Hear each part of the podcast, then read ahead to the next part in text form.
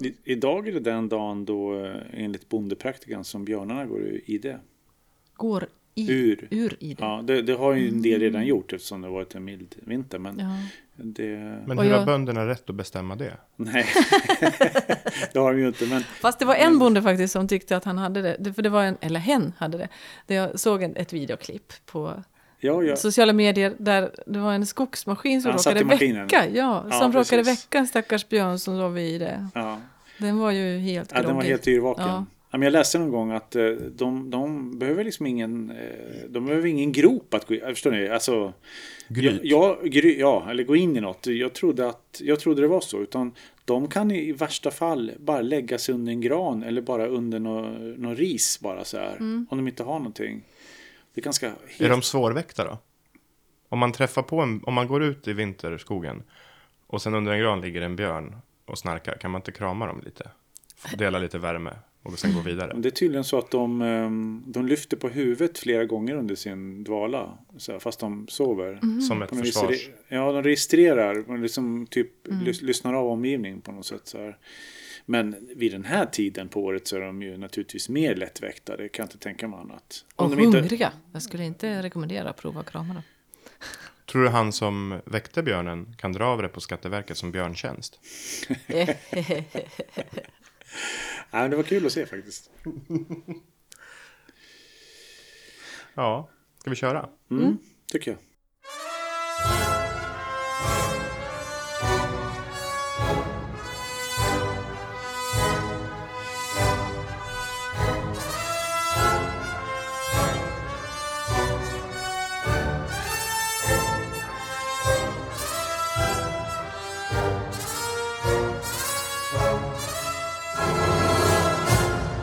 Varmt, varmt, varmt, varmt, varmt välkomna till podden Musiker i micken. Eh, med mig Filip Draglund, trumpetare i Norrköpings symfoniorkester och Tanja Kaitaniemi, violinist, också i Norrköpings symfoniorkester. Och Rickard Michelin, också violinist i Norrköping. Varmt välkomna. ja, vad ska vi göra idag då? Jag har ett förslag. Mhm. Ehm, jag har tagit fram min favoritapp i min mobil, Saub. Jag har också Saul-appen, men Svenska Akademins ordbok. Och så har jag slagit upp ett ord, dagens ord. Dirigent. Mm. Eller dirigent står det faktiskt efter. Visste ni att, att den riktiga språkliga rekommendationen är att man uttalar dirigent och inte dirigent som, som vi alltid säger? Det är som folk som säger genialisk, tänker jag. Säger men de geni? Om, om någon? Ja. Men vad då riktiga? Båda två är väl korrekta? Ja, fast eh, om, om man liksom följer så här allmänna uttals... Eh, praxis och regler för svenska språket så, så, så borde det egentligen vara en dirigent. Liksom. Men så här, det här är i alla fall eh, förklaringen. Substantiv, dirigenten, dirigenter. Eh, person som med hjälp av speciella armrörelser leder kör eller orkester vid framförande av musik.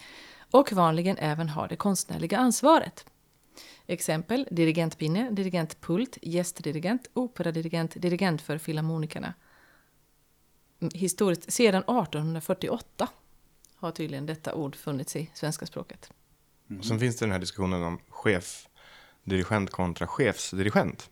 För Ja. här säger de korrekta människorna att minsann, den som är den huvuddirigenten för en orkester ska kallas för chefdirigent och inte chefsdirigent för man inte är chef över dirigenterna. Och den tycker jag är svår att anpassa mig Mm. Ja, till men jag, faktiskt. m- när jag skulle skriva en eh, text till Symfoniorkesterns hemsida en gång så, så kollade jag faktiskt upp det och mejlade med eh, en representant för Svenska Akademin.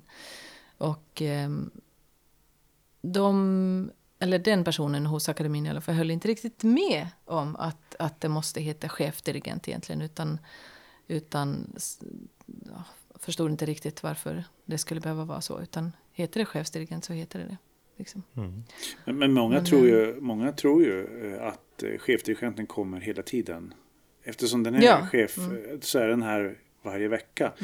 Och det där är ju väldigt olika hur orkestrarna utformar kontrakten och sånt där. I en del orkestrar så är ju chefdirigenten på plats eh, många veckor på ett år. Men medan på andra så är det väldigt mycket färre veckor. Det var väl också mer förr i tiden väldigt vanligt att, alltså då tänker jag typ 60-tal, 70-tal och bakåt, att chefdirigenten gjorde en väldigt stor del eh, av Mm. orkesterns år. Men det handlar väl också om att resande var ju inte lika lätt att Nej. göra till varje vecka. Sen finns det ju undantag. Daniel Harding i Sveriges Radios symfoniorkester i Bärvallhallen har ju, hade ju något år för några år sedan där han gjorde 18 veckor. Och det är ju väldigt ovanligt för svenska dirigenter. MSO kommer nog ha väldigt mycket med sin nya chefsdirigent, chefdirigent Robert Trevino nästa vecka, han, eh, nästa år. Han vill göra jättemånga. Men det är ju faktiskt nu för tiden snarare ett undantag mot gängse förfarande. Våran orkester brukar väl vara kanske, ha kanske åtta veckor per år med chefsdirigenten, är det inte så? Ja, så brukar Ungefär. det läggas till eh, veckor för skivinspelningar och eventuella turnéer och sånt där. Mm. Men, men jag tänker just mängden, eh, som du sa förr i tiden, är också väl det att det finns på något vis, det finns fler ensembler, det finns fler orkestrar totalt sett och det finns många fler som är dirigenter än kanske var förut. Ja, så är det säkert också. Så, så att det, det är väl därför också det finns ett större urval, därför har man kanske inte en dirigent lika lång tid. Eh, ja, jag vet inte. Sen tror jag typ i Tyskland exempelvis, där finns det ju väldigt många konserthus och operahus. Och speciellt i lite mellanstora städer, där är det vanligt i ett operahus att che- chefdirigenten tar väldigt mycket av det som händer. Ehm, Men det är också en ekonomisk fråga. Men jag tänk, undrar så här, förutom i folkmun i, i, i vardagslivet för vanliga människor så är väl en dirigent, man tänker väl på uttrycket håller i taktpinnen. Det är väl det som kanske har eh, droppat ner i vanligt ordbruk. Men varför, varför behöver vi en dirigent? Alla kan ju spela, all, de, de, alla i orkestern är ju väldigt bra på sina instrument. Ja. Varför behöver vi en dirigent? Vad säger ni violinister? Alltså det där är en fråga som vi får, som jag i alla fall får jätteofta från, från den här härliga kategorin människor, icke-musiker. Ja, det är en väldigt vanlig Ja. fråga. Mm. Men eh, är det inte så att man helt enkelt kommer lite längre i en stor orkester om man har en dirigent? Att det är klart att vi kanske skulle kunna spela det mesta utan en dirigent men det skulle inte bli lika bra. Och lika liksom varierande tolkningar av stycken eller så.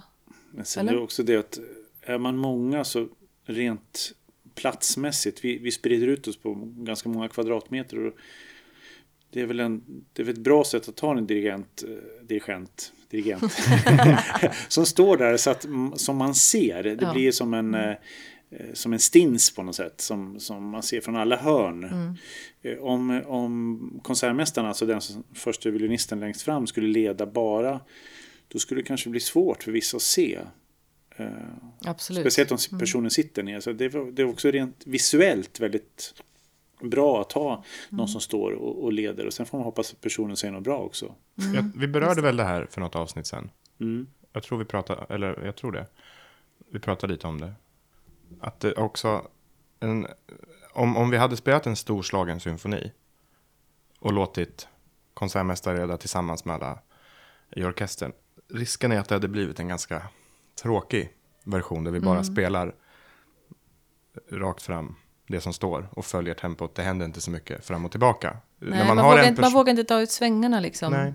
För det viktigaste är att man inte faller från tåget. Liksom. Ja, men när en person har ansvaret för att på något sätt bestämma var och när det händer. Och med det sagt, det är såklart dirigenten ibland, om det är stora solon, låter musikerna göra fritt. Och så följer den personen eh, personen i orkestern som råkar ha ett solo. Men, men det blir ändå, det blir en konstnärlig idé. Ja. Och det, jag tror att det, det, ger mycket, det, det blir mycket djupare om man inte skulle haft det. Och sen framförallt repetitionsarbetet.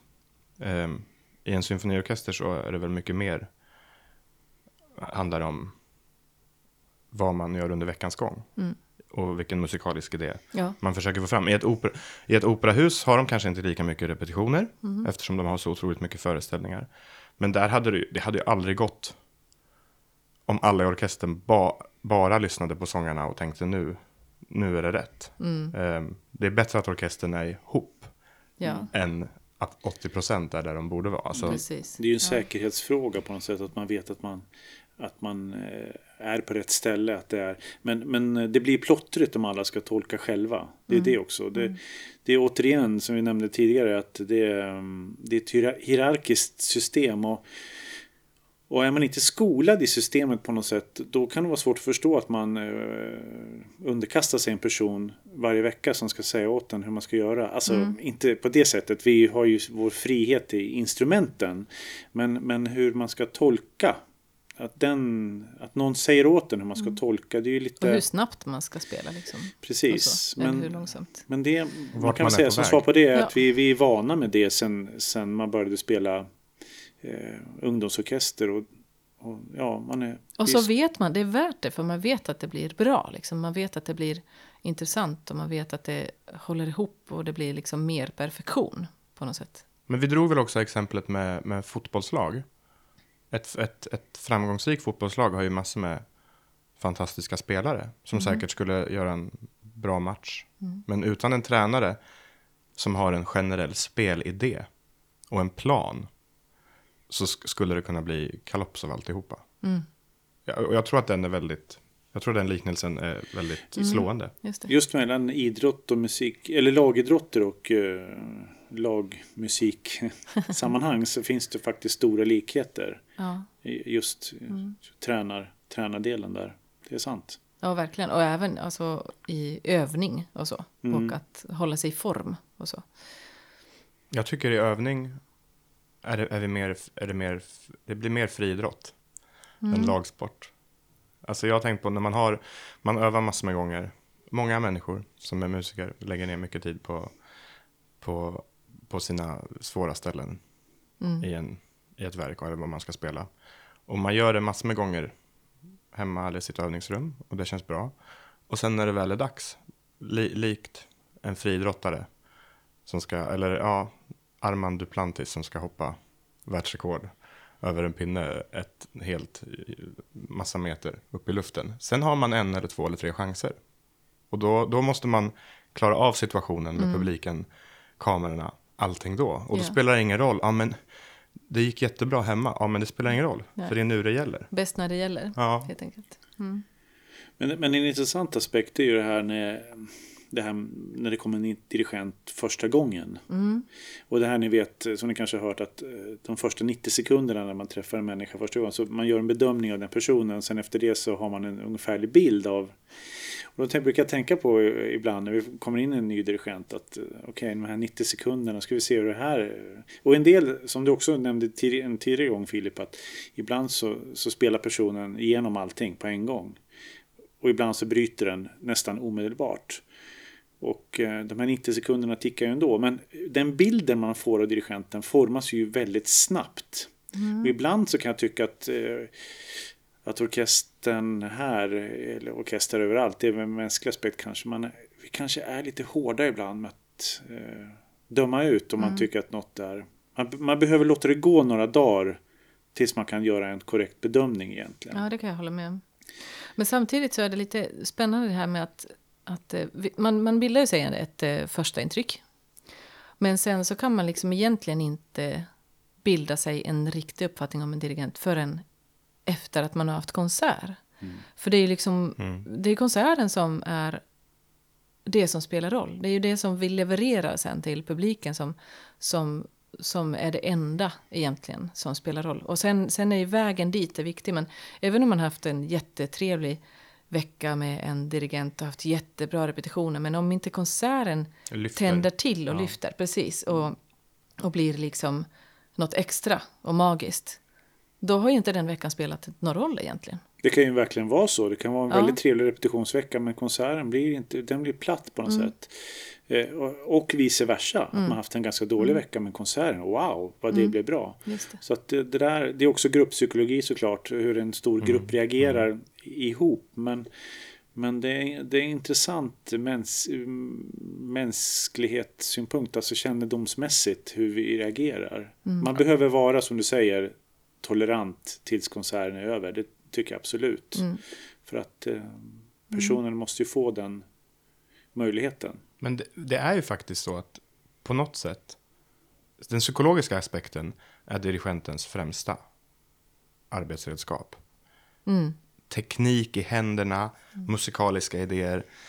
Det är såklart, det är fundamentalt. Men om, om man inte får en orkester att, till konserten, att alla försöker ge allt. Så att det blir en sån här magisk upplevelse. Då spelar det ingen roll egentligen hur bra teknik och musikaliska idéer man har. Jag, jag, satt- jag tänkte på det ibland, när vi, när vi, som du säger, när det kommer, ny, Rickard, när det kommer nya dirigenter som vi inte har haft förut. Ehm, skakigt är väl kanske inte ordet, men den första halvtimmen, det tar ju en stund för folk att...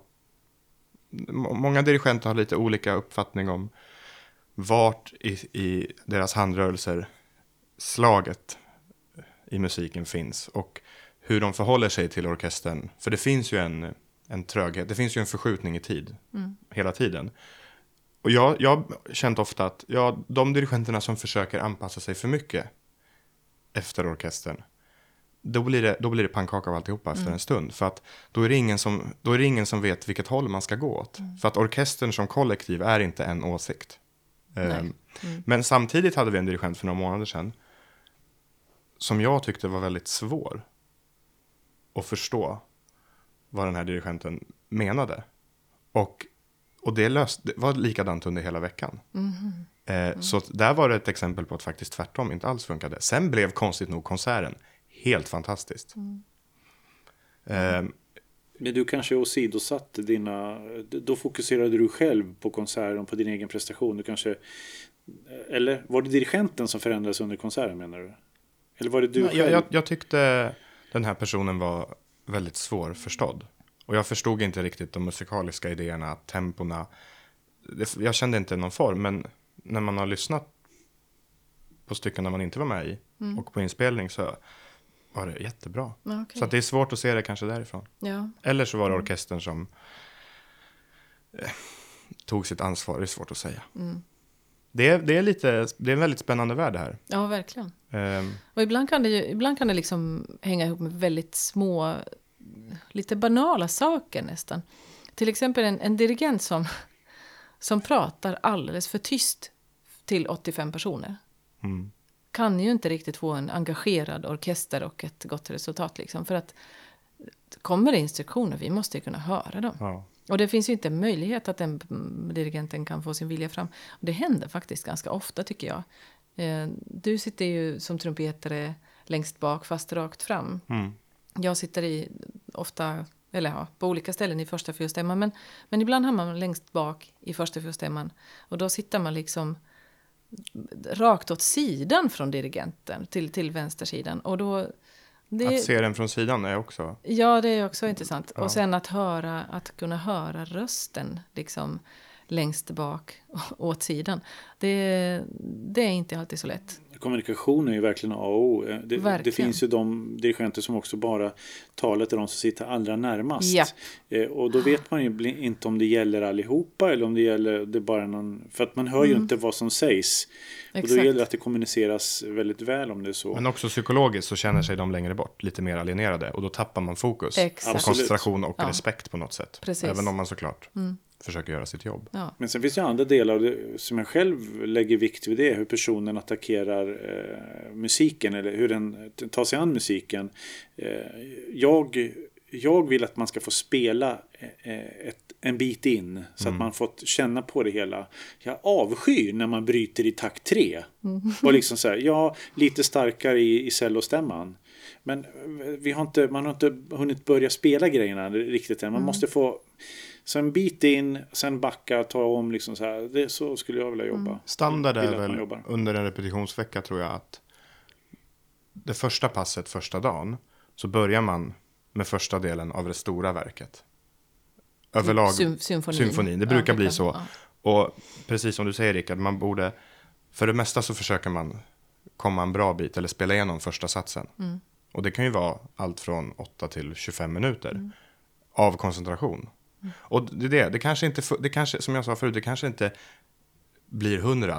Folk är inte, spelar inte ihop för att vi inte har spelat verket ihop tidigare. Eller, eller dirigenten gör någonting som ingen förstår. Men man måste ha lite tålamod.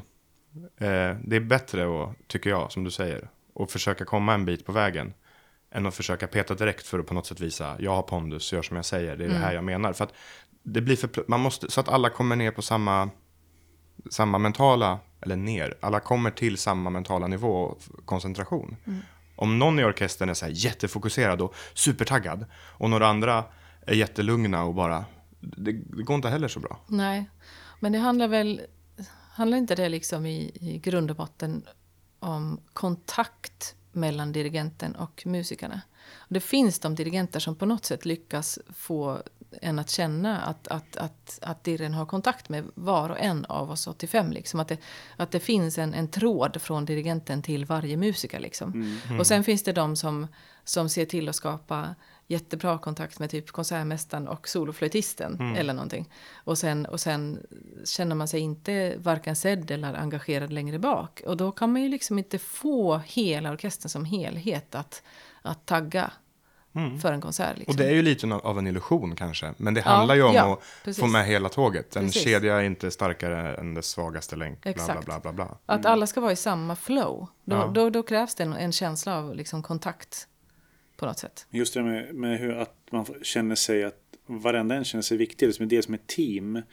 Det, det är ju väldigt, det är otroligt, eh, det, är väldigt intressant tycker jag. Hur, hur beter sig människan? Ja. Och det, det är ju redan som jag eh, ville åt här, det jag nämnde om 90 sekunder. Det, det börjar redan när personen kommer in på något sätt. Eh, Vilken attityd den har. Och jag, jag är en sån där som tycker om dirigenter som är lite bestämda. Jag vet inte varför. Ehm, Vill du berätta om din barndom? jag inbillar mig att många av våra kollegor eh, generellt sett, man vill ha en dirigent som jag tror att de har med målbilden att göra. Man vill ha någon person som har en, en bild av hur det ska vara. Man kommer in och så börjar man med någonting och kanske inte riktigt har eh, vet inte riktigt vad den här veckan ska gå någonstans. Men om, man har, om det kommer in en dirigent som har en, en målbild, då, då märks det. Och då känns det som man är beredd att, att följa den för att det ska bli en bra konsert. Vilket ju naturligtvis är målet för alltihopa. Det vi jobbar för det är att det ska bli en bra konsert. Publiken ska tycka om det vi gör. De ska komma tillbaka. Jag menar, utan publik så är vi ingenting och utan oss är inte publiken någonting. Alltså det, så det, är, det är konserten som är det viktigaste. Ja. Men det har skett en förändring tror jag i, i tid också. Förr i tiden, återigen, alltså jag, jag tänker 70 eller 80-tal och bakåt. Dirigenten var en maestro, en envåldshärskare. Ett manligt geni som kunde förgripa sig eh, på, på musikerna. Vi, de, musikerna var bara eh, ja, men som en general och en, en, en, och en militär. Material. Ja, alltså för, förr i tiden. Och det, det funkade, men nu för tiden märker man ju att dirigenterna är mycket mer. Jag är musiker precis som ni och vi gör det här tillsammans. Men med det sagt så måste det finnas en pondus och en bestämdhet. Om en dirigent på ett rep börjar utstråla en energi av, jag vet inte hur vi gör det här, vi kan, vad tycker ni? Då, då hade det fallit, för respekten hade, Men hade jag, men jag försvunnit. tror att det där hänger ihop med att, att, eh, eh, att dirigenten... Just, det som du säger pondus och det som du säger målbild. Men att dirigenten måste vara fokuserad på musiken och inte på sig själv. Det finns, det, det finns nog inget som jag tycker är mer frustrerande än en dirigent som, som jo det finns det. Okej. Men det är väldigt frustrerande med en dirigent som står där och go- fokuserar på att nu ska jag visa pondus, nu ska jag visa eh, att jag är en sån och sån person, nu ska jag... Och fokuserar på sig själv och, eh, och vilket intryck man ger eh, istället för att ha sitt, allt sitt fokus på musiken och vad man vill med musiken och vad, vad, vad man vill göra tillsammans med orkestern med musiken. Liksom. Det, det, blir inte, det blir inte trovärdigt om, om, om dirigenten kommer in och ska liksom ha bestämt sig för att nu ska jag komma in med den här attityden. Och, eh, det måste ju handla om musiken. Men det Det- blir samma sak med våra instrument. Ja, Om, om, du ser, om Ja. du hör en instrumentalist spela någonting och den personen sitter och tänker nu ska jag spela den här frasen med en känsla av glädje. Ja. Och nu ska jag spela den här frasen med en känsla av allvar. Bla, bla, bla, bla, bla. Det kanske man gör och har gjort i förberedelsetiden. Men när- det väl, när det väl gäller så måste det komma naturligt. Och det blir samma sak med dirigenter. ja, Den där pondusen, absolut. Eh, ömsesidiga respekten eh, effektiviteten, den har de ju såklart övat och repeterat och Mm. testat in sig på. Men, men desto snabbare de kan komma till en nivå där det blir, det känns helt att det kommer helt naturligt. Ja, pondusen kommer ju ur en målbild med musiken. Och själv, liksom. en, en Ja. självsäker, alltså även om Ja. dirigenten inte vet bäst, Mm. så behöver man ha lugn, en lugn självsäkerhet. Mm. Så, för, att, för det sprider sig. Man kan inte förställa sig. Nej, det är väl det verkligen du, inte. menar. Ja. Man Nej. måste vara, och det, det märks att eh, dirigenten måste vara som den är på något sätt. Sig själv. Sig själv.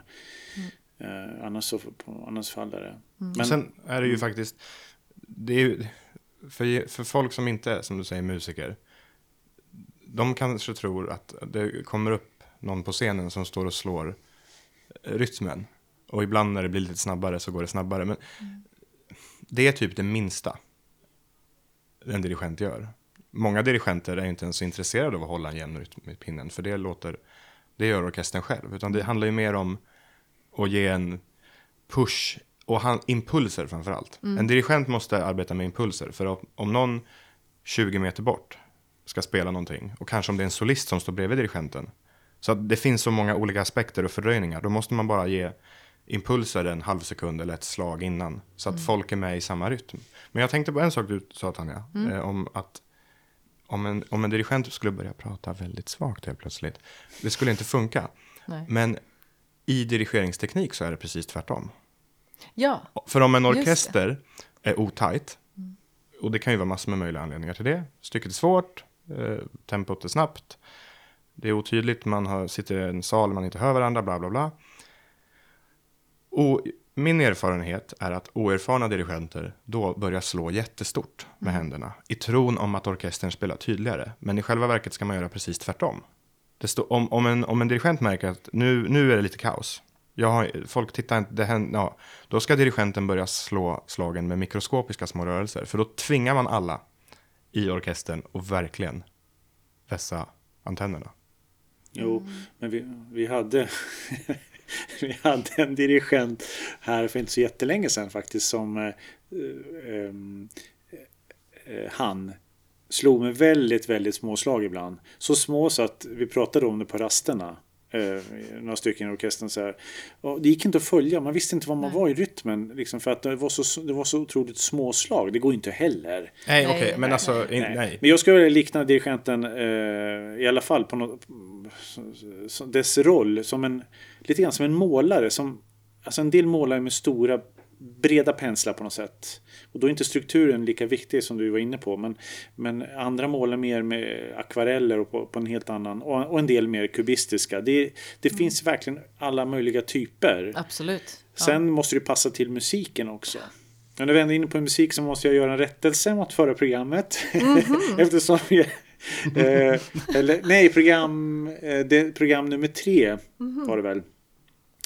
Då råkade jag säga två gånger av tre att Beethoven dog för 250 år sedan och ni sa ingenting. Nej, men jag räknar väl inte. Nej, han föddes alltså för 250 år sedan. Rickard, Eh, mitt instrument har tre knappar. ja, jo, jag Tror vet. du seriöst jag Nej men koll? alltså, på så det här var bara stora en, tal. eh, så det måste bli en rättelse här. Ja, ja. Nej, jag, Bra, jag blir kränkt faktiskt. du måste hålla mer koll Du, du det. är ju experten här på, på, på år. Ja, ja, det var fånigt i alla fall. Ja, ja. Du får göra ah, gångertabellen hemma många gånger. Mm. Och plus och minus till nästa gång. Jag tror att just här, Eller så är det vi som ska göra det, Filip. Vi får ha en lista på alla min. Ja. Just det. Vad ni, Tänker ni något mer just kring dirigenter? Eller, eller, ja, alltså det här ämnet kommer ju komma tillbaka till fler gånger, Ja, tror jag ja, absolut. säkert, säkert. Jag tänker Ja. lite på skillnaden på olika dirigenter och kanske skillnaden i, är det någon skillnad i vart de kommer ifrån? Påverkar kultur och nationalitet? Det tycker jag absolut. På vilket sätt? Man har ju kulturen med sig, kulturen som man är uppvuxen i och man har liksom sig själv med sig i dirigeringen. Det, det är det, om man kommer tillbaka till det som du sa Rickard också, att, att dirigenten, det kan ju inte gå om man inte är sig själv. Och kulturen har man ju med sig. Jag kommer från Finland och har...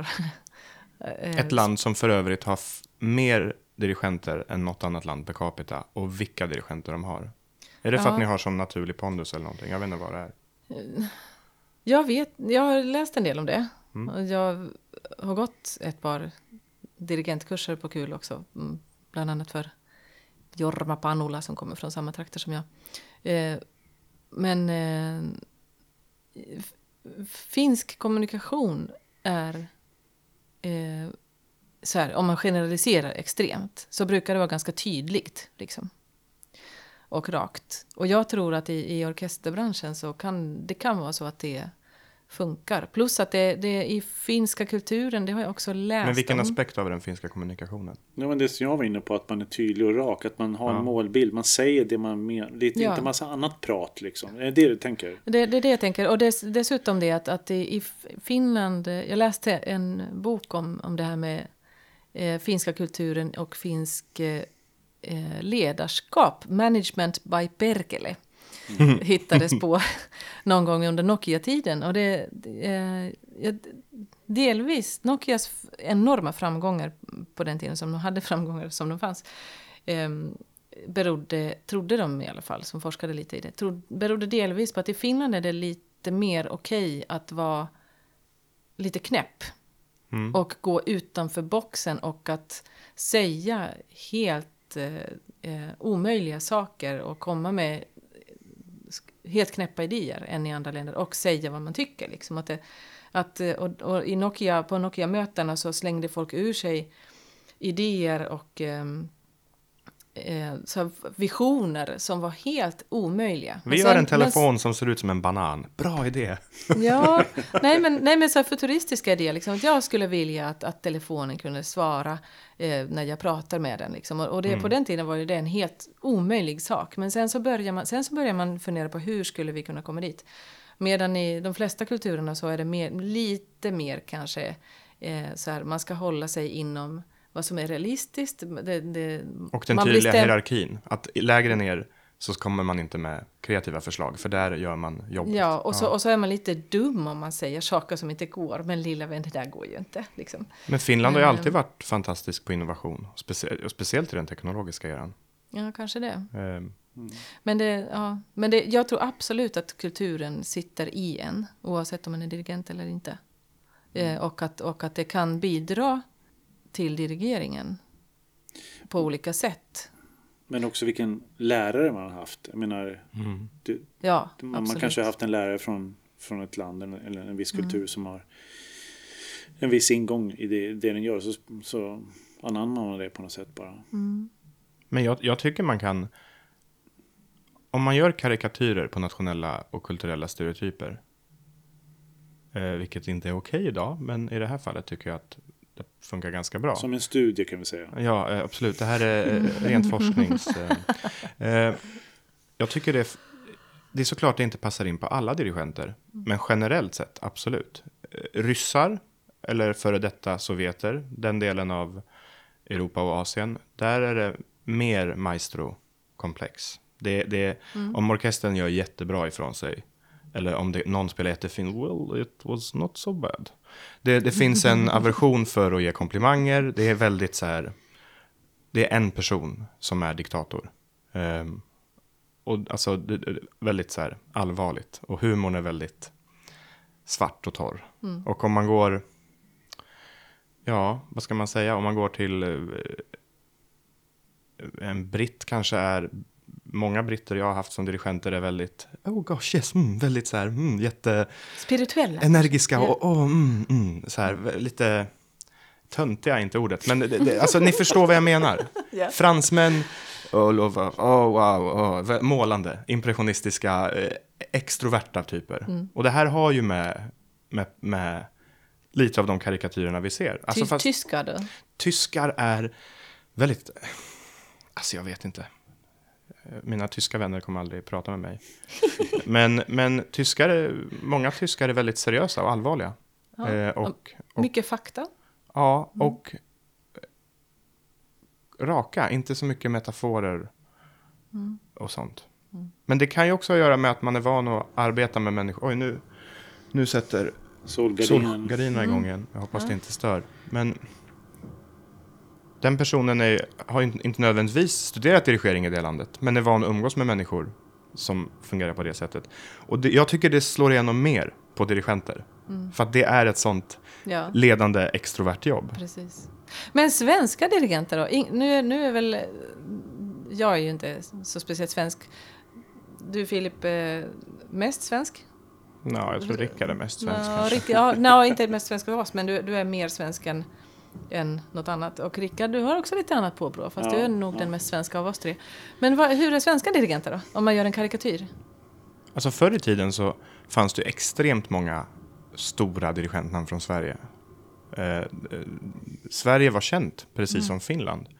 Och vi har många bra dirigenter nu, men det är ju inte alls lika många som det var förut. Jag Nej. skulle säga att vi svenskar, nu är inte jag särskilt svensk, men, men, men svenskar är väldigt duktiga på att trycka ner sin egen kultur. Det är bara i Sverige man Ja. kan säga vad skönt osvensk du är. I alla Just andra länder är det en förolämpning. Japp. Så jag tror att svenskar är väldigt bra på att ta till sig andra kulturer Mm. och plocka det bästa här, här dit och hit. Men, så, hit härifrån. det, men min upplevelse är att svenska dirigenter generellt sett är duktiga på slagteknik, på gestiker, på hela den här bilden, hela alltihopa det där är de duktiga på. Ja, och väldigt trevliga. Väldigt trevliga. Ja. Men är det en fördel? Men, men det är fel, men det är fel att dra alla över en kam också. Ja, det får man absolut. inte göra här. Utan, eh, Ja, fast nu gjorde Fast vi det karikatyrer. Jo, jo, Ja. okej. Mm. okej. Typiskt violinist att säga något sånt. Ja, nej, men alltså. Men, får, men får jag säga en karikatyr om en svensk dirigent? Jag som är minst svensk. Mm. Ta mig rätten att göra det. Jag, eh, det finns inga andra dirigenter förutom svenska dirigenter som kan le sig igenom symfonins absolut mest dramatiska och tragiska del. Att man alltid liksom är så här eh, trevligt leende trots att musiken är hur dramatisk som helst. Och det kan jag verkligen reta mig på. Men det här var återigen en karikatyr. Men i alla fall. Men då kommer vi också till frågan om olika typer av musik. Pass, passa, passar fransk musik bättre för en fransk dirigent? Passar det. finsk musik bättre för en finsk dirigent? Jag tycker det. Ja, jag tycker nog också det. Så det handlar Sen om förståelse för, för sin egen kultur och sitt musikspråk. Men, men naturligtvis så finns det dirigenter som kan göra andra. Jag menar det. Ja. Jo, absolut. Så, men, Ja. men eh, Fast det är ett visst sinnelag som man kanske liksom är, har fått i, i modersmjölken, håller på att säga. Som, Eller är det för att musikerna instinktivt tror, den här personen, ja men nu är det en finne och vi spelar en Sibelius-symfoni. Just det. De, han eller hon vet verkligen vad som in, den här musiken innebär. Och då, respekten från musikerna gör att resultatet blir bättre. Just det. mm. Jag tror ja, ibland det, det. det, Så fort dirigenten uttalar Sibelius så spelar man mer finskt. Eller? Jan, Janne Sibelius. En sak jag stör mig på dirigenter oavsett var de kommer ifrån. Det är när de tittar på sina egna händer när de, när de dirigerar. Ja, det, ah, nej, det Ja, nu har jag sagt det. Nu har jag sagt det. Men det, det, det, Varför det, skulle man göra det? ja, men, herregud. Det är inte som att jag lyssnar på mig själv när jag spelar. Nej, men det är just det här, man, det mer, kanske under en konsert så står de och tittar på sina händer. Jag menar, det har de gjort miljoner gånger i en spegel, höll jag på att säga. Men ja, ja, är inte... Ja, men då, det, men då är det återigen det här med att då har man fokus på sig själv och inte på musiken. Ja, Liksom. Det, det får man inte ha. Men med allt det här sagt, Ja. jag tror att det är värt att än en gång nämna. Dirigering är en, för en orkester, är ett oer, det, är, det är väldigt, väldigt, väldigt svårt. Ja. Det, dels, även om man är hur bra som helst. Och så, det är inte säkert att alla är nöjda. Och så vidare. Nej. Men jag har ändå jobbat med säkert, jag har inte alls jobbat i den här branschen lika länge som ni. Men jag har väl säkert jobbat med ett hundratal dirigenter. Och de som jag verkligen respekterar, beundrar, gör vad som helst för att jobba med igen, kan räknas på ena handens fingrar. Utan tvekan. Ja, eller så är jag bara otroligt hård. Eh, du, du låter hård när du, säger, när du säger att du har jobbat med hundra och det är bara en handfull som du... Nej, men sådana som, alltså, det är några få där man verkligen känner wow. Men det kan Ja, vara personligt, ja. att det klickar just med. Men, men, Nej, men jag kan nog eh, lite grann hålla med om. Alltså, och det har varit väldigt många Ja. bra också. Och många väldigt bra. Men de här, när man är stum av beundran, wow, vilken dirigent. Men sen när man ska försöka sätta fingret på vad det är, vad det är som man antingen eh, älskar eller, eller saknar, så är det ju väldigt svårt. Men det är ju som du säger, att det, att det handlar om psykologi. Och liksom, jag, jag har svårt att... att jag kan, jag kan göra en analys som en dirigent varför jag inte gillar den eller varför jag gillar den. Men jag kan inte säga att det stämmer. Nej, men, men sen också att, att en dirigent funkar jättebra i en orkester men inte alls i en Ja. annan orkester. Ja, Det, ty, det just tycker jag också är jättekonstigt. Det är det jag menar, det är, det är lite mystik över det på något sätt. Marc Sustro som var här för några månader sedan, eh, fransman, trombonist i grunden, han är väl 60-70 nå- någonting. Eh, han var ju chefdirigent för Malmö symfoniorkester i massor med år. Ni, minns ni att han kanske på ett rep sa så här eh, Oh, you are, Scan- I've worked a lot in Scandinavia since 1971. I know you Scandinavians. I like your way of thinking. You are calm, you are, you are team players, you are not individualist. Eh, och det var en väldigt liten kul Ja, när han pratade om det här. Men han, han satte verkligen fingret också. Även, alltså, orkestrar i Sverige påminner ganska mycket om varandra i sätt att arbeta. Även om en stor del av musikerna kommer från andra ställen. Eftersom det droppar in en i taget så anpassar man sig till stämningen. Men trots att orkestrarna här är så lika så kan det vara två orkestrar en timme ifrån varandra. Som har helt olika åsikter om en dirigent. ja, verkligen. Det är märkligt. Ja, det är personkemi och kontakt och sånt som spelar in. Mm. Ja, det är ett stort ämne. Ja, Och då har vi ändå inte vidrört frågan om kvinnliga och manliga dirigenter Nej. som ju är egentligen ett eget samtalsämne kanske. ja. Alltså jag tycker inte det är ett kanske ska- samtalsämne. Jag, jag struntar fullständigt i vad personen har för kön som står på pulten. Nej, det gör du inte. Du bara tror att du gör det. det man, alla har så otroligt mycket undermedvetna liksom, associationer och attityder till kvinnor och män. Både kvinnor och män har det. Ja, Så men att, eh, jag är nöjd med en bra dirigent. Och det har jag sett både kvinnor och män vara. Mm.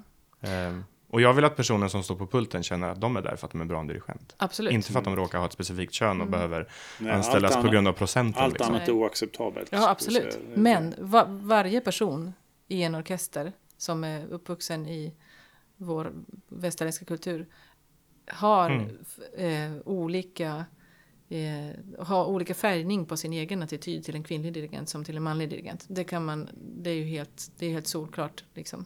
Okej, jag måste erkänna, eh, kommer jag på. Jag är faktiskt annorlunda. eh, med kvinnliga dirigenter. För att det är inte lika ofta man har en kvinnlig dirigent. Nej. Jag är mycket mer, eh, eh, vad ska man säga, uppmärksam, eh, fokuserad och positiv. Mm.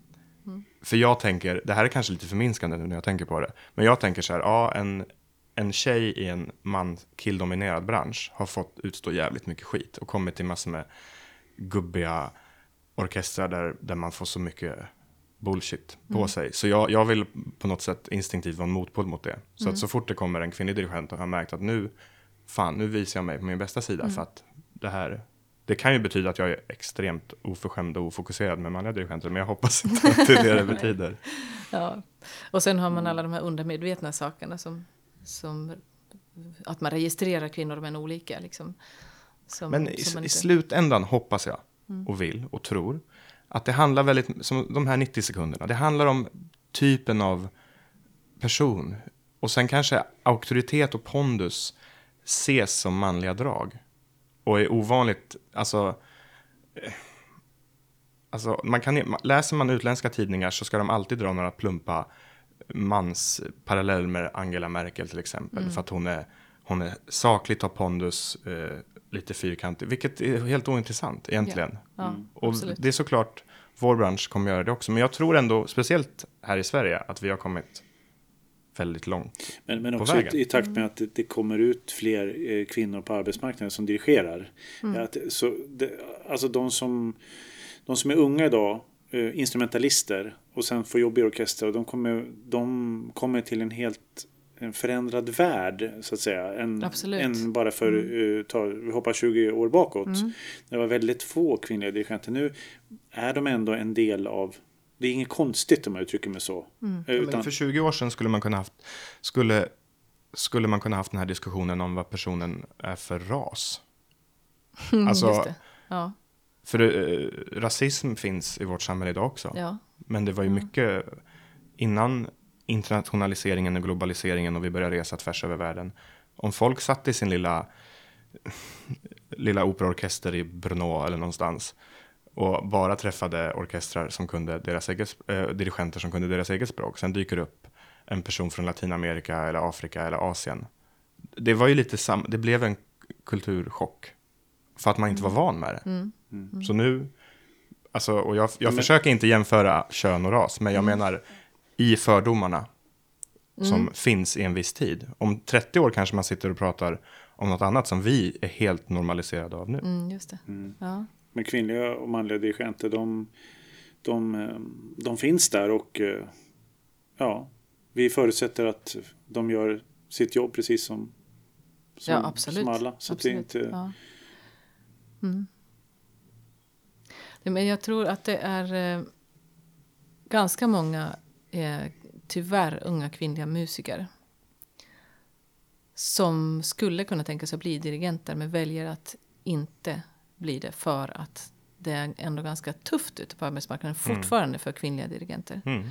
Ehm, in, men som sagt, som sagt så tror jag inte att det är riktigt lika tufft i Sverige som i många andra länder. Uh, inbillar jag mig i alla fall. Jag tror vi är på väg åt rätt håll. Ja, det tror jag också. Och jag tror att eh, fler och fler, som tur är, kommer att liksom våga söka till dirigentlinjen och eh, slå, bli dirigenter. Kvinnor alltså. vem vet, om hundra år kanske man säger Mm. Tänk om det kunde komma hit någon kille och dirigera någon gång. Precis. Man vet ja. aldrig. Ja. Liksom det. Nej. Nej, för hundra år sedan så, så var det väl inte så många kvinnor som spelade i orkestrar. Nu är det, nu är det fler tjejer som går på musikerutbildningar än killar i Sverige i alla fall. Mm. Eh, så att vi, ja, det måste ju, det måste ju kunna bli jämlikt med bland dirigenter också. Det är som Alf- Elfrida André. Mm. Hon var ju... Hon sökte ju om det var orgel. Det hette inte den. Utbildningen hette något annat på den tiden. Det här är alltså tidigt, sent 1800-tal, tidigt 1900-tal. Mm. Den, den, hon fick inte söka. 1860-talet. Ja, hon fick inte söka musikdirektör eller orgelutbildning eller vad det var. Mm, Men hon lyckades. Hon var den första kvinnan som kom in och lyckades få till en ändring i lagen. ja, Och sen var hon en var hon domkyrkoorganist i Göteborg och dirigerade GSO ibland Ja. och var grym. Men det är synd att alla de här historierna måste på något sätt blandas ihop med, ja men hon var kvinnosakskämpe för att, för att bara få ställa sig på ett podium och dirigera. Just det. Så är det Fast kanske någon, inte det är idag. väl det att någon måste vara först oavsett vilken, i vilken bransch eller vilket eh, sammanhang det Mm. är. Det kan ju vara en man i ett kvin, kvinnlig dominerad bransch och Ja, vice versa också. Så att någon, Mm. eh, hennes betydelse är ju stor i Sverige. Ja, Verkligen. absolut. Mm. Mm. Nu tror jag att det har blivit dags för Rickard reflekterar. Precis, vi byter namn från Rickard. Eh, Vänta, byter, vänta, ja. Rickard ryter till låter så argt så att eh, jag tycker bättre med Rickard reflekterar. Och ni, ni tycker det också så att bra. Ja. Ja, men jag, jag har funderat lite grann på det här med Det här är- kan ju vara provocerande verkligen. Alltså om man inte Om man inte håller på med musik. Fast jag, jag, jag, jag tar inte ställning egentligen. Jag vill bara ställa frågeställningen. Det, det är det här med de olika konstformerna. Vilk, kan man säga att någon konstform är bättre än någon annan? Eh, Jag såg ett eh, program om Mona Lisa, eller om Leonardo da Vinci eh, på SVT Play. Och det var det som föranledde mig till den här, till den här spaningen kan man väl säga. Och just det här, man har ju tittat på med modern datateknik och allting sånt där. Mona Lisa består ju av 40 olika lager med färg som man inte, men inga penseldrag. Det är så här, vi- de tror, han, de tror att han har använt sina händer, sina fingrar till att liksom för, föra in färgen. Det finns, och sen har man eh, skalat ner digitalt då för, för Nissan och sånt där har blivit gul genom åren. Har man skalat bort så kan man se de riktiga färgerna som skulle vara, himlen bakom henne var, var blå och sådär. Och, sen den här aspekten då, med, han jobbade ju med, henne, med hennes leende i fyra år och sånt där. Att, att om man tittar, man tittar på Mona Lisa och så har man med eh, bakgrunden när man tittar i perspektivet, att säga, landskapet. Då, då ser hennes leende mycket större ut. Men tittar man bara på Mona Lisas leende, bara på det, på munnen, då ler hon inte, nästan inte alls. Så för ögat på något vis, ja, det, det är fascinerande. Men det jag tänker just det här med Eh, eh, konstformen, alltså måleriet, eh, musiken som ju är på något vis en, en inre, som kommer inifrån, ett inre uttryck för någonting.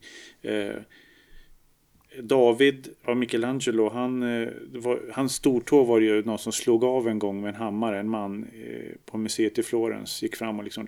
Och sen efter det hade man ju alltid en vakt där. Men liksom den, den personen, David, alltså den, den statyn, alltså det är ju... Det är ju på något vis gudalikt hur, hur en människa kan skapa någonting sånt. Eller arkitektoniskt, jag tänker på Peterskyrkan. Eller inom teatern. Och där teatern på något sätt ändå kanske man kan säga är eh, en spegel för mänskligheten, kan man säga det? Man försöker visa någonting, man visar någonting på hur vi människor är via att vi tittar på oss själva på något sätt sceniskt. Och litteraturen där man uttrycker sig i skrift och sådär. Därför så står ju musiken på något sätt ändå för sig själv alltså. Eftersom det är någonting som... Alltså man står i kontakt med gudarna.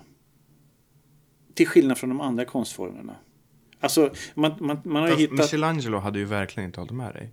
Alltså, Jo, nej, men alltså... han såg väl sitt arbete, såg inte han sitt arbete? Som gudomligt. Som, som en, en kanal för, för, för någon sorts Jo, men jag tänker så här, kompis. om jag bara ska avsluta musikaliskt det här med man, på savannen, man har hittat eh, i, i Afrika, det finns en jätteupphöjd klippa där och så har man, man, tro, man tror det att man har slagit på de här stora stenarna och det har hörts ut över eh, savannen. Så det första musikinstrumentet överhuvudtaget är förmodligen stora stenbumlingar som man slog med någonting på. Och då blev det ett ljud, man kanske varnade för någonting. Sen efter det så kom flöjten troligtvis och så vidare. Men ändå att rituellt så har det funnits en kontakt med en högre makt. Eh, det har ju varit musikens roll initialt. Och sen, sen vidare hoppar vi direkt till Bach. Och så hoppar vi vidare till våran tid och så vidare. Att, eh, nu menar jag inte att musiken behöver kanske vara, att det är så att musiken är den främsta konstformen. Men det är ju någonting, ja jag vill ju komma dit här att det är någonting som är, det, det är på en annan eh, det är på ett annat sätt än de andra konstformerna som är mer uttryck. Mänskliga uttryck. Kommentarer? Wow. Hur många timmar har vi? Vad säger du Tanja? Eh, jag är en person som inte tänker så mycket på övernaturliga saker och sådär. Och jag vet inte. Jag är lite nyfiken på, tänker du Rickard att, att de här stenbumlingarna på savannen också var någonting mer än kommunikation mellan människorna som jag kanske hade sett det som. Liksom att man varnar varandra. Tänker du att, där, att det också där hade, skulle kunnat vara, finnas med någon slags gudomlig Jo, kraft? men det tror jag, eller det tror man väl, att det är både och. Dels för att man kan eh, varna om det, men också att i rituellt, alltså dum, dum, bum, bum, alltså man får en, en eh, man kommer in i en typ av flow, höll jag på att säga, men Ja. eh, någonting sånt va. Mm, Ja, flow och ritual, det, det Ja. tror jag säkert. Eh, Men du tänker att det finns med en, en övernaturlig kraft också? Ja, det tror jag absolut. Eh, Man har, ju- det har man ju trott länge att det finns eh, att det finns en, att, att det finns en högre makt. Solen i regel har ju varit den man är tillbett. Men, men just att man har slagit på någonting som en, som en markering att som på något sätt att försöka söka en kontakt med det gudomliga. Fast... ah, nej. Alltså, Vadå, jag, jag, Nia, tycker, vad- jag tycker det låter lite som en efterhandskonstruktion. Som försöker passa in i din Vad världsbild. Alltså, Jag är nog beredd att hålla med om lite. nej men alltså, det är såklart... Alltså, okej, jag vet inte vart jag ska börja. Eh, musik, i vissa kulturer, och speciellt längre bak i tiden, så har musik och dans varit helt eh, inseparable, vad heter det, oskiljaktiga. Ja. Ja. Det har inte funnits någon distinktion mellan dem, för de har varit lite utlopp för samma känsla. Eller samma typ av eh, känsloutspel, vad ska man kalla det? inifrån kommande? Och det behöver, ja, och det behöver ju inte vara en stenbumling på toppen av ett berg som någon slår i, i någon religiös rit. Självklart kan det vara det också. Men, men Man kan Det klappa händerna, stampa det, med det, fötterna. det skulle, ja, exakt. Det skulle vara någon som har stått och klappat händerna och så klappar någon händerna bredvid. Och så, tycker, så innan man ens kunde prata med varandra så tyckte man att det var intressant att höra hur de här ljuden fortplantade sig mot varandra. Eller att man, någon sa ett roligt ett ljud och så gjorde man det må, om, många gånger igen. Eller att man satt, och, man satt ute på en savann och låg i gräset och lyssnade på fåglarna och bara njöt av stunden. Det är ju en form av musik också. Vad, är- vad är skillnaden på om du lyssnar på typ Messiaen som gjorde massor med fågelljud och ville skapa fågelljuden i sina stora orkesterverk och andra verk också. Jag, jag tycker distinktionen mellan olika konstformer är väldigt svår. Det, det, om det finns en generell så är det väl dans, musik och typ poesi som läses live, vilket var standard eh, fram till för några hundra år sedan kanske. Eh, det finns det timing. Om du, målar, om du målar en tavla eller skriver ett verk som ska läsas av någon annan så gör du klart hela verket innan du låter mm. personen som ska njuta eller beakta eller begrunda verket mm. göra det. Musik och skådespeleri och dans måste upplevas i stunden och då är det förhållandet, då är tiden med som en aspekt. Mm. Um, men, men, på ett sätt kan man ju säga att en symfoniorkester är som en form av museum. Men, Kom hit och lyssna. Vi, vi visar er saker som är upp till tusen år gamla. Mm. Lite modifierade, men ni får uppleva dem live. Mm. Eller? Mm, men vad är det du vänder emot då, så att säga? Min, att det är... Eh, Musik har använts av religiösa skäl. Och såklart kan det förstärka en religiös upplevelse. Men jag tror inte nödvändigtvis det är den generella grunden som gör den skillnaden. För att det finns både eh, danser som är religiösa, det finns eh, litterära verk, det finns skådespel. Om man, så här, det finns ju så här knäppa vad heter det, nöjesparker i USA som gör jättekonstiga versioner av delar av Bibeln med sant? skådespelare. Och folk går dit för att få någon form av religiös upplevelse. Jaha, och, och säga till dem att musik är minsann. Alltså, eller? Förstår du vad, vad ja, jag... men att sätta sig själv i sammanhang, det, det gjorde man ju kanske från från, från upplysningstiden, eller 1700-talet. Men jag tänker, nu, nu är jag väldigt låg, flera, många tusen år bakåt, mm. där, där, där människan eh, var liten. Där, där man fanns till tack vare en, en högre makt. Och ett åsknedslag kan ju, kunde ju liksom eh, radera ut en hel by, så att säga. Och det var, det var meningen på något sätt det är därifrån, jag, det är där jag är, nu är jag långt bak i den primitiva delen av musikskapande så att säga. Jag... Och där tror jag att det varit framförallt en religiös rituell betydelse som den har haft. Inte eh, att man funderat så mycket på sin egen existens, att jag, eh, hur, att man ligger i gräset bland blommorna och sådär, utan att det är mer att man är man är man hade, Du menar att man hade respekt? Ja, men det, köp, mm. det kan jag faktiskt förstå. Alltså om man var i Sixtinsk, gick in i Sixtinska kapellet på 1500-talet som en enkel bonde från någonstans. Och så stod de här kastrerade munkarna och sjöng den här, eh, den där, det där verket som Mozart skrev ner efter att ha hört det en gång. Som man, jag kommer inte ihåg vad det heter nu. Som, man, som, som bara fick sjungas där och noterna var hemliga. Och när, när, Mozart, ni vet, när Mozart hörde det en gång skrev han ner noterna och så trodde de att han hade kontakt med djävulen. Mm. För att han kunde bara... Om man kommer in som en munk, eller som en bonde där, och hör den här, de här fantastiska harmonierna. Då är man så här, det här är Gud. Mm. Det här måste vara Gud, för det här är så vackert så jag vet inte vad jag ska ta vägen. Men det skulle man också kunna säga om man ser en klocka. Om man ser en mekanisk klocka från 1600-talet mm. och inte har någon som helst teknisk utbildning eller kunskap. Mm. Allt som är för avancerat för oss att förstå kommer vara övernaturligt. Mm. Eller? En målning. Mm. Om du inte visste att färg, grundfärger kan blandas och helt plötsligt ser du en, en målad regnbåge, du kommer ju vara så här. Wow. Eller om du, ser, om du är från 1500-talet och ser ett foto eller hör en inspelning, för dig så kommer det ju vara övernaturligt. Mm. Men vi som, har, vi som vet om man kan ta, ha en kamera. Mm. Jag kanske ja. är inte så spirituell med det här. Nej, det... Nej, det är inte jag heller. Alltså musik har väl använts i, liksom, till, till ritualer mm. eh, och traditioner. Liksom, efter årstiderna så här, eh, man, man firar skörden, det var en bra skörd och så, och så dansar man till musik och, och, och, och firar det och sådär. Och, och, eh, och jag tror att dans och musik, som du sa Filip, att man, jag tror att man är ute efter de konstarterna har ju liksom samma känsla för sväng.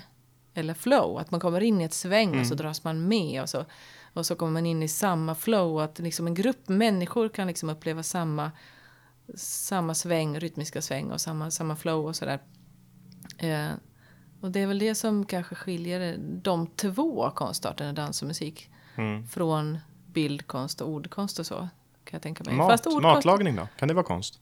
Mm, men alltså konst, det, det finns ju väldigt många underavdelningar såklart. Ja. Men... Eh, eh, ja, nej men det... Alltså frågeställningen är ju... Det är en väldigt intressant fråga. Det, ja, det, det är det ju. Men den är ju på något vis väldigt stor alltså. Det är ju på ett väldigt filosofiskt eh, stort plan. Man skulle kunna veckla ut sig väldigt mycket kring Ja, matlagning är en del, men det finns ju som, som sagt så många underavdelningar. Men, men eh, eh, hur som helst så var det just att när jag såg den här, mm, just det här Mona Lisa och alltihopa det här eh, på det här programmet så, så blev det så tydligt att, att det, det, det, är någonting, det är någonting ogripbart i detta. Det går inte att ta på att en människa kan göra någonting som är så bra på något sätt. För så länge sedan. Och, eh, Men då, då tar de bildkonsten. Ja, nu pratar om bildkonsten. Men det var det som gjorde att Ja. min, min spaning satte igång. Så här, kan man ställa konstformerna mot varandra? Men är, nu är kan det väl- rättvist? Kan det inte vara någon nu som tittar på den där bilden och bara, ja men eh, Leonardo här använder sig av eh, perspektivförskjutning och bla bla bla bla bla och massor med saker som för mig som inte kan så mycket om sånt upplevs som övernaturligt och magiskt. Alltså grejen är, jag, kan, jag känner mig ganska simpel, men jag ser inte, det kan vara för att musik, jag håller på med det här, men jag ser inte musik och speciellt inte klassisk musik som något, något svårt eller något avancerat eller något eh, så här gudomligt konstnärligt. Det är kanske en vanlig sak, jag, men jag, alltså, blö, om jag ska lyssna på poesi eller läsa poesi, då känner jag att man måste aktivera eh, huvudet lite. Ja, Och, och försö- förstå metaforerna, förstå rytmen, formen. Men det är mer i, intellektuellt på något sätt. alltså, ja, och det kan ju bara vara en vanlig sak. Ehm, men om, man, om jag lyssnar på en konsert oavsett genre eller lyssnar på en inspelning. Det är såklart jag ibland sitter och tänker, ah, vad gör de här? Varför låter det så här? Ja, ah, coolt. Eh, men för det mesta är det bara, det känns som man stänger av många delar av sin aktiva. Det går Gärna. rakt in Ja, och det behövs inget språk. Poesin är ju liksom, då måste man ju förstå Ja. det språket som, som det talas. Och visst, man kan se en tavla och bara bli wow, helt begeistrad av eh, hur vacker den är. Utan att tänka på det, absolut. Men för, mig känns musik väldigt, eh, vad ska man säga, att ta okomplicerat att ta till sig. Ja, Ja, absolut. Men det behöver inte betyda att, att det är hög, på något sätt hög, hög, vad ska man säga? Högtravande. Nej, men Högkultur. Att, högkultur, och fast jag tycker inte om det ordet. Jag letar Nej. efter något annat, men det kanske är det jag menar ändå. jag, tror, jag tror det finns många som inte lyssnar på klassisk musik som tror att det är lite torrt och svårt. Ja. och att det kräver väldigt mycket förkunskap. Men läs igenom programmet. Nu är det solpaneler igen. Eh, läs i, hitta ett, hitta ett storsla, en storslagen symfoni. Om du aldrig har varit på en klassisk konsert.